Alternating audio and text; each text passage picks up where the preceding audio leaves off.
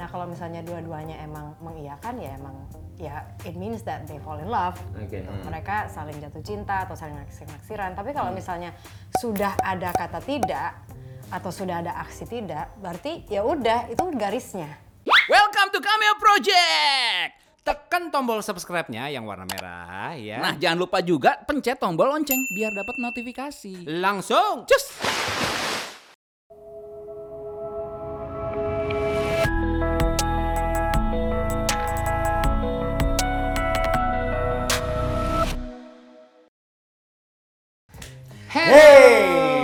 Satu hey, satu hey.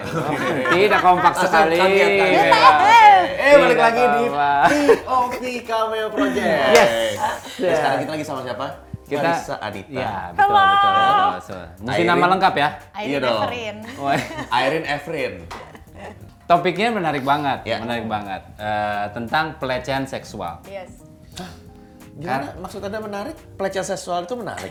Gimana tuh? Ini perlu Bukan di... gitu maksud gua. Yang menariknya adalah ini kan sudah menjadi sebenarnya kasus yang sangat apa ya? kru- krusial lah gitu. Jadi maksudnya masih ada orang-orang yang beranggapan bahwa yo ya ya jelas lah digituin orang ceweknya juga pakaiannya menggoda ataupun Waduh. juga pakaiannya juga terbuka. Nah, tapi kan yang kita tahu maksudnya ya orang waras gitu ya waktu kita baca beritanya pun juga kayak eh, kayaknya ada yang salah dengan otaknya gitu. Yang nonton pun juga mungkin ada yang ada yang tahu, ada yang udah mengerti, ada pun juga yang belum mengerti. Iya. Yang bisa dikatakan pelecehan seksual itu seperti apa aja sih? Coba Ai. Yang pasti dari catcalling itu Catcalling. juga udah starting. Kayak cewek, cewek. QQ itu bukan catcalling, QQ main gaple. Aduh. Tetap aja. QQ itu dong. Kalau begitu pengen gua sawat ini, sawat. Sawah. Hah. Ya udah. Tapi jadi eh, dikategorikan balik lagi nih, kategori catcalling itu adalah suara-suara yang ditimbulkan Iya. Pada yang waktu mengarah yang mengarah ya. ke situ ya arahnya ya. Mengarah Tapi itu yang gila lagi loh. lewat. Tapi itu gila loh. Gue lagi nonton apa teaternya Mas Garin Nugroho. Hmm. Udah gitu gue udah selesai nonton, gue keluar nih ada bapak-bapak ya sebelahnya istrinya. Gue lewat terus masih yang mbak mbak sebelahnya istrinya. Masa sih? Gue sampai yang wah lu gila sih. Wah lu gila sih.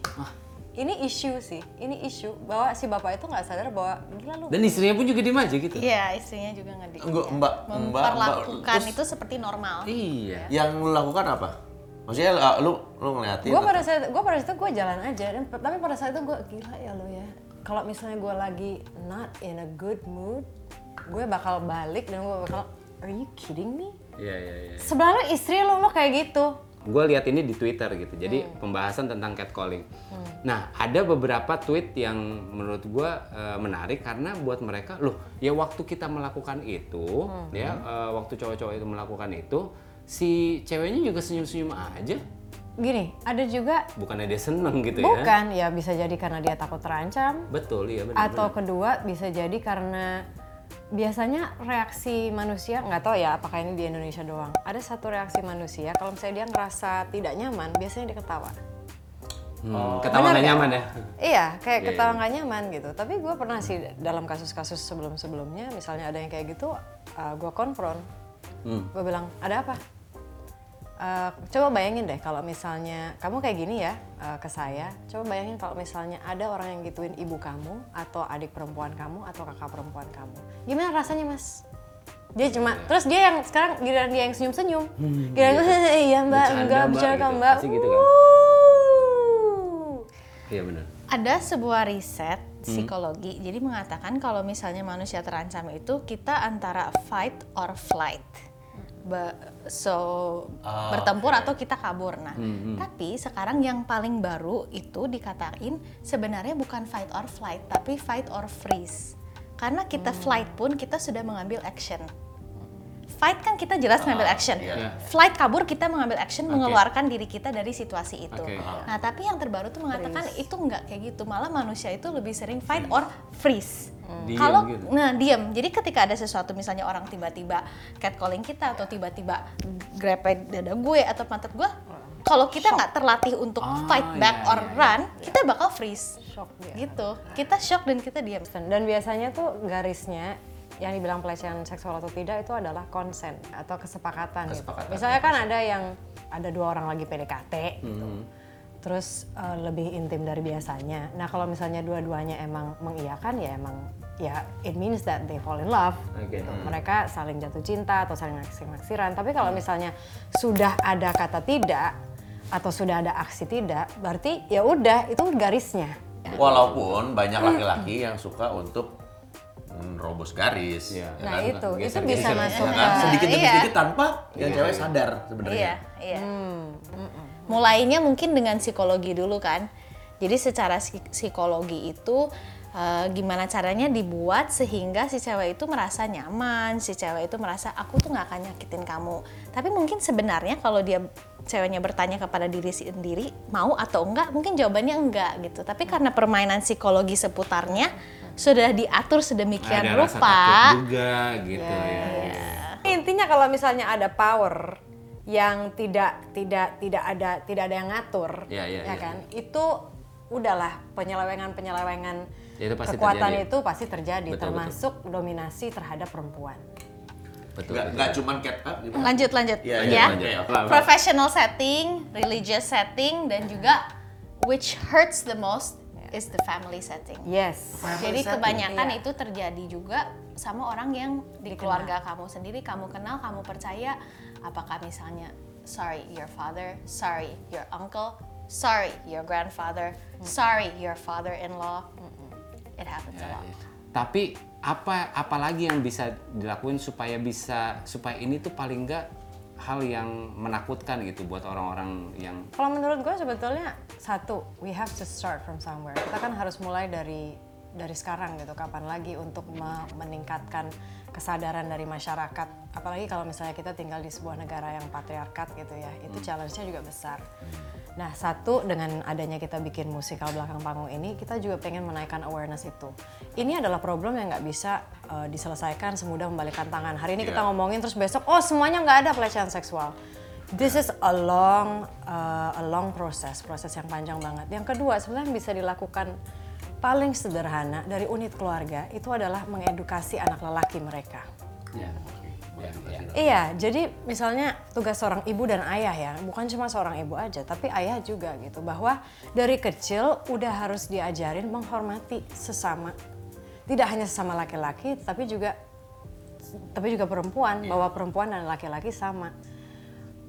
Kita bisa ngomong gitu, nak, eh, kamu kan sayang sama ibu misalnya, kamu sayang sama, atau bapaknya bilang, kamu sayang sama ibu kan.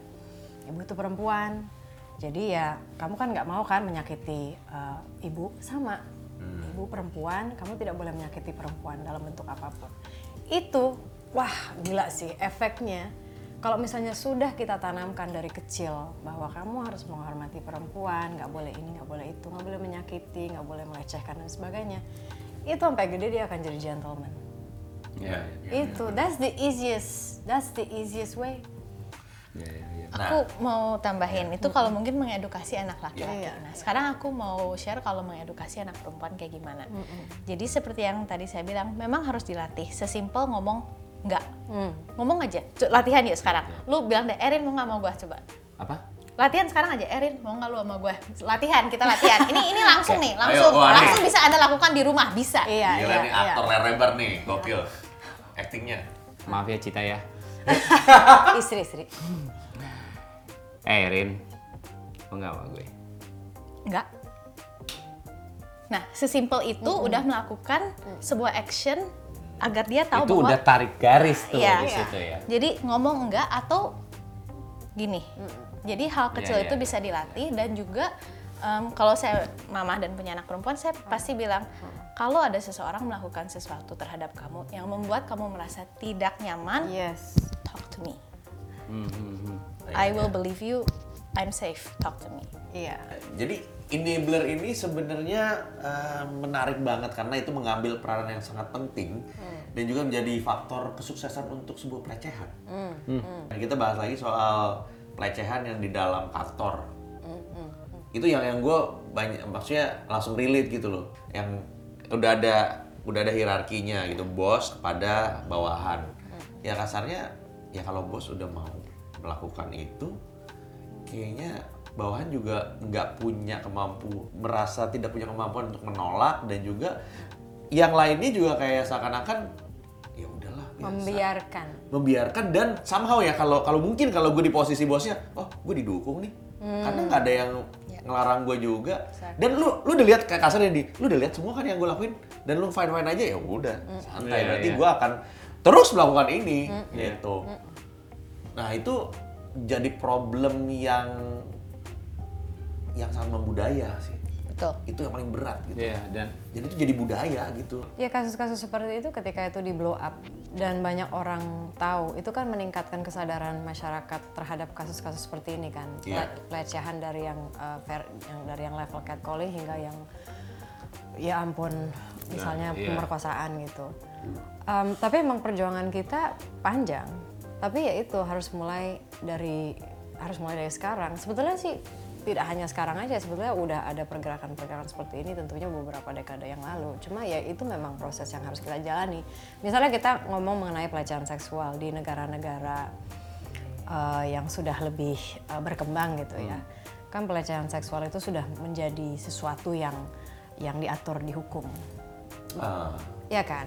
Udah diatur di hukum sehingga itu bisa di bisa dihukum gitu. Tapi itu kan juga prosesnya panjang. Jadi ya Indonesia juga udah saatnya. Dan problem kita adalah uh, karena kita itu salah satu negara yang uh, apa uh, patriarkinya masih kental. Nah, patriarki ini juga menjadi salah satu topik yang kita angkat dalam musikal belakang panggung. Bukannya kita menyalahkan, oh karena patriarki begini, tapi patriarki menjadi salah satu faktor yang mengiyakan uh, pelecehan-pelecehan seksual ya, yang ya, terjadi. Ya, ya, ya, ya. Nah cuman kan misalkan balik lagi di kantor itu yang Dan paling aduh abu-abu abu-abu, betul. Oh dan itu eh susahnya adalah ya, ya balik lagi misalkan sampai ada kalau dia adalah korban dia nggak tahu dia mesti ngapa nggak mesti ngapain gitu loh dia pilihannya antara antara kalau memang dia cukup berani untuk ngomong Iya. ya ujung-ujungnya dia dipecat that's it Iya, udah iya, ya udah iya. kalau lu nggak mau kerja di sini ya udah kayak Iya, gitu iya. karena kalau dia lapor ke polisi pun dia harus punya bukti dia pun harus punya saksi Iya, iya. segala macam dan Rekam aja.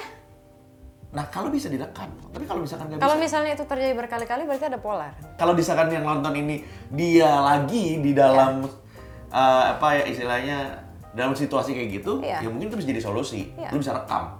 Ya. Tapi kalau itu melanggar hukum enggak ya? Kayaknya enggak ya. Well, Enggak ya. well we need to check tapi I don't think so because Oke. it's like a form of defense. Kita kita laporin ke polisi.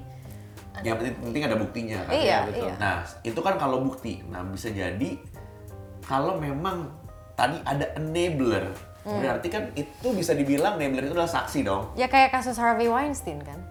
Kan, Harvey Weinstein. kan dia bisa melakukan pelecehan seksual dari level sini sampai sini kan karena industri takut dengan dia. Dia salah satu laki-laki yang paling kuat posisinya di Hollywood saat itu.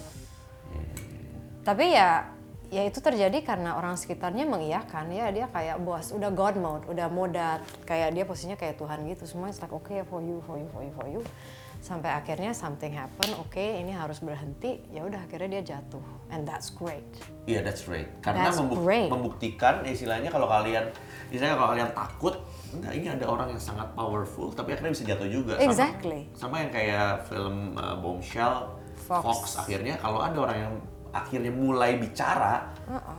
akhirnya juga mereka akan jatuh juga gitu loh. Nah, berarti kan sekarang kita bicara bukan kepada korban, misalnya kita bicara kepada enabler. Gue yakin waktu kalian ngeliat itu kalian nggak nyaman. Tapi at least yang bisa dilakukan adalah mulai bicara. Mulai bicara itu nggak cuman lapor doang ya, maksudnya tapi maksudnya yang menarik itu Kalaupun adalah memang lapor adalah menjadi satu hal yang menakutkan mungkin buat buat eh, orang ini si enabler ini eh, apa ya paling enggak mu- ngomong ke itu kali ya ke korbannya kali ya. Iya, ya jadi uh, bilang aja bahwa aku lihat tadi dan menurut aku itu nggak nggak boleh terjadi. Sesimpel itu sudah memberitahu kepada korban bahwa dia punya teman, dia nggak sendiri di dalam situasi yang sedang dia alami. At least there's somebody else that maybe can help. Itu tuh udah tingkatan psikologinya jauh daripada terpuruk gue sendiri gue nggak bisa apa-apa. Iya iya iya, iya, iya.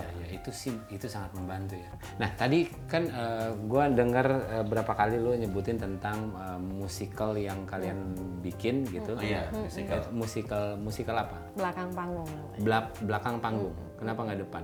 Ya kenapa depan? Jadi jadi iya kan? Orang-orang kalau bikin musikal itu ya di depan panggung iya, mestinya di depan panggung gitu karena kan emang harus manggung gitu kan. Iya. Tapi ya itu sebetulnya emang ide dari belakang panggung itu adalah kita mau mengkontraskan antara apa yang terjadi di depan panggung hingar-bingar yang terjadi di depan panggung bahwa semuanya baik-baik saja di belakang ternyata tidak baik-baik saja.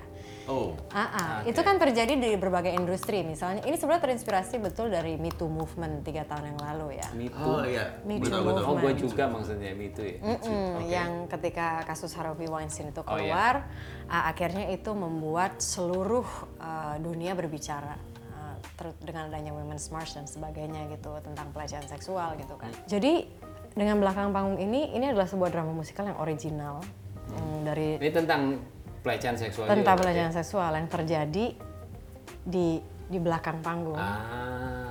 Oke. Dan di situ ada faktor-faktor yang tadi, ada patriarki di situ, ada enabler di situ, ada si pelaku di situ, ada uh, korban atau victim di situ juga. Gitu. Tapi ketika di belakang panggung ada wajah jelek itu sebetulnya, tapi depan panggung kan everything has to be fine. Ketika kita lagi Ya, ya, ya. bikin pertunjukan kan semuanya perfect, semuanya ideal, semuanya wah, Indah. indah gitu. Tapi sebetulnya ya ini yang kita harus mulai bicara karena keindahan itu akan menjadi dan kalau aku pribadi ngelihat keindahan itu itu adalah eh, terbentuk karena pressure dari society. Kalau misalnya boleh bocorin sedikit ceritanya itu tentang apa? Ya nggak spoiler ya. Nggak Ya, spoiler, ya, jadi spoiler. mungkin aku mulai dari karakternya kali Ya, ya. Di ya, sini ya. ada eh, lima karakter yang dominan. Hah? Ada Pak Teguh, ada Adit, ada Rani, Meta, dan eh, Andri. Andri. Pak Teguh ini eh, seorang sutradara terhormat, Oke. punya anak Adit, seorang bintang sinetron terkenal, Oke. Sutradara ini maksudnya sutradara. sutradara teater. Oh, oke. Sutradara. Oke. Ah, sutradara teater. Iya. Terus ada Rani, ini upcoming actress. Oke. Terus Oke. ada si Meta dan Andri yang memang sudah berpengalaman, lebih berpengalaman kerja di industri ini. Jadi yang terjadi adalah ketika si Pak Teguh ini mau bikin sebuah pagelaran, Rama Sinta, Oke. Oke, Rama Sesuatu Sinta, yang ya. sangat dekat dengan keseharian kita kalau kita hidup di Indonesia. Iya. Dan ini ini ini based on scientific research juga. Korban yang dapat pelecehan seksual tadi kan Aryan sempat ngobrol freeze. Dia membeku dan dia nggak tahu itu pelecehan atau bukan ya. Kok gue nggak nyaman. Tapi hah apa ya? Tapi gara-gara si pelaku pelecehan ini begitu mahir sudah melakukannya selama bertahun-tahun dan diperbolehkan, dibiarkan. Oke. Jadi dia melakukan berbagai macam manipulasi sehingga membuat perempuan ini menjadi bingung gitu dengan dengan pelecehan yang sedang terjadi. Tanggal berapa? Tanggal 6, 7, 8 Maret 2020 di Kenapa masih lama? Jakarta. Kenapa masih lama? Lu udah mau nonton ya? Lu udah kayak gue mau nonton. Iya makanya. Kita, Jamnya kami ada tidak sabar. ada ada berapa kali pertunjukan dalam satu hari? Berapa? Ay. Hari Jumat opening night. Ini tanggal malam enam berarti ya? Nah, 6. Okay. Lalu hari Sabtu ada dua kali siang dan malam dan hari Minggunya ada siang closing sesudahnya kita bisa party semua. Oh siang, Siap, siap, siap, siap, siap, siap, siap, siap. Siang siang berarti ya, jam berapa? Uh, jam, jam 2, yang malamnya jam 7.30. Hari kalau hari Minggu? Hari Minggu siang jam, jam 2 aja. Siang jam 2 ya. Oke, okay, oke, okay, siang Okay. Tanggal 8 Maret yaitu Hari Internasional Wanita. Yes. Wow. Oh jadi pas di, banget. sengaja dipasin. Yes. Oh wow. International Women's Di Day. mana? Di IFI Tamrin Jakarta, Institut Institut Français d'Indonésie. Pesan tiketnya. Oh iya. Oh iya iya Di mana? tiketnya. Pesan tiket? Di mana pesannya? Jadi pesannya itu bisa lewat ID Instagram kita di musikal belakang panggung. iya, Musikalnya musikal. Indonesia jadi pakai Pakai K. K ya. Juga kita di kalian juga nih memulai movement hashtag eh, Mulai bicara. ya. Mulai bicara tadi. Jadi kalau misalkan udah nonton ini terus kalian mau nge-post sesuatu yang berhubungan dengan pelecehan dan kalian ngerasa kayaknya kita harus Iya. mulai bicara, nah itu bisa pakai hashtag mulai bicara. Iya, dan juga mungkin bagi teman-teman yang mengalami pelecehan seksual atau kekerasan seksual bahkan misalnya butuh konsultasi itu kan trauma ya. Trauma Iya. itu kan butuh konsultasi untuk kembali feel okay meskipun it's never okay karena itu akan Ya itu kan akan terekam terus Iya, gitu ya kan. very sad, very sad. Itu juga bisa uh, sekarang banyak kok. Salah satunya adalah Lentera Sintas Indonesia yang ngasih konsultasi Oh, Oke. untuk me- Mengeluarkan toksik toksik gitu. Yeah, ya, gitu, ya, yeah, benar-benar. yeah. Oke. Oke kalau gitu. Jadi eh, apa? Kita akan ketemu nanti di musikal belakang panggung eh, 6, 7, 8. Harga tiketnya berapa ya kalau boleh tahu? 350 350. Ada kelas-kelasnya nggak sih? nggak ada pukul Nggak ada. rata semuanya jadi Untuk can kapasitas berapa? 200, tadi IPA Tata. 220 kali Eh, karena kita empat show, jadi totalnya itu hanya 600 saja. ah Dari seriusan 4 show.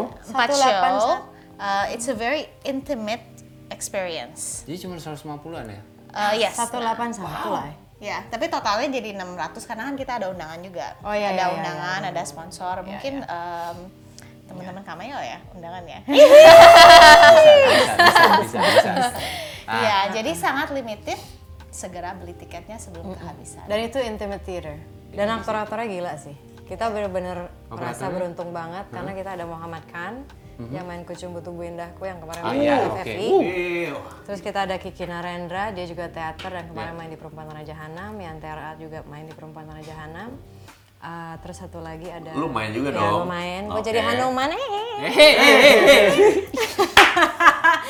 Terus Rama Widi. Rama Widi, dia harpist. Uh, dia memang baru newcomer tapi he's very committed dan sih. Kira-kira kalian merekomen ini tuh apakah ini uh, family friendly Ya, or atau Buat teenager ya, dari teenager ya. teenager? Ti- 13 plus gitu ya? Kita sih ya rekomend dari 12, 12 plus. Namun kalau misalnya ada orang tua yang kalian sangat menginginkan anak Anda untuk terekspos kepada isu ini dan kalian bisa menjanjikan bahwa aku akan guide anakku, kita welcome juga. Ya. Tapi 12 mestinya udah ngerti lah. Ya. But yeah, we suggest 12 ke atas. 12 ke atas. Thank you, Ca. Thank you, Reza. Ari. Thank you, Martin. ya. Thank Thank you you. sudah mampir ke POV dan share tentang yang eh, ternyata banyak. Pasti gue juga percaya banyak eh, viewers kita juga yang baru tahu ternyata ada ga- apa garis-garisnya pun juga eh, hal-hal apa aja Yang yang mesti dilakukan juga itu. yang mesti dilakukan.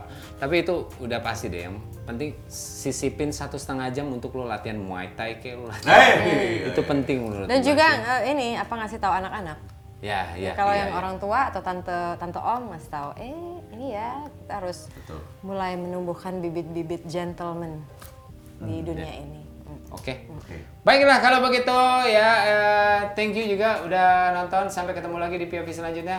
Bye bye. Bye bye. Mulai bicara.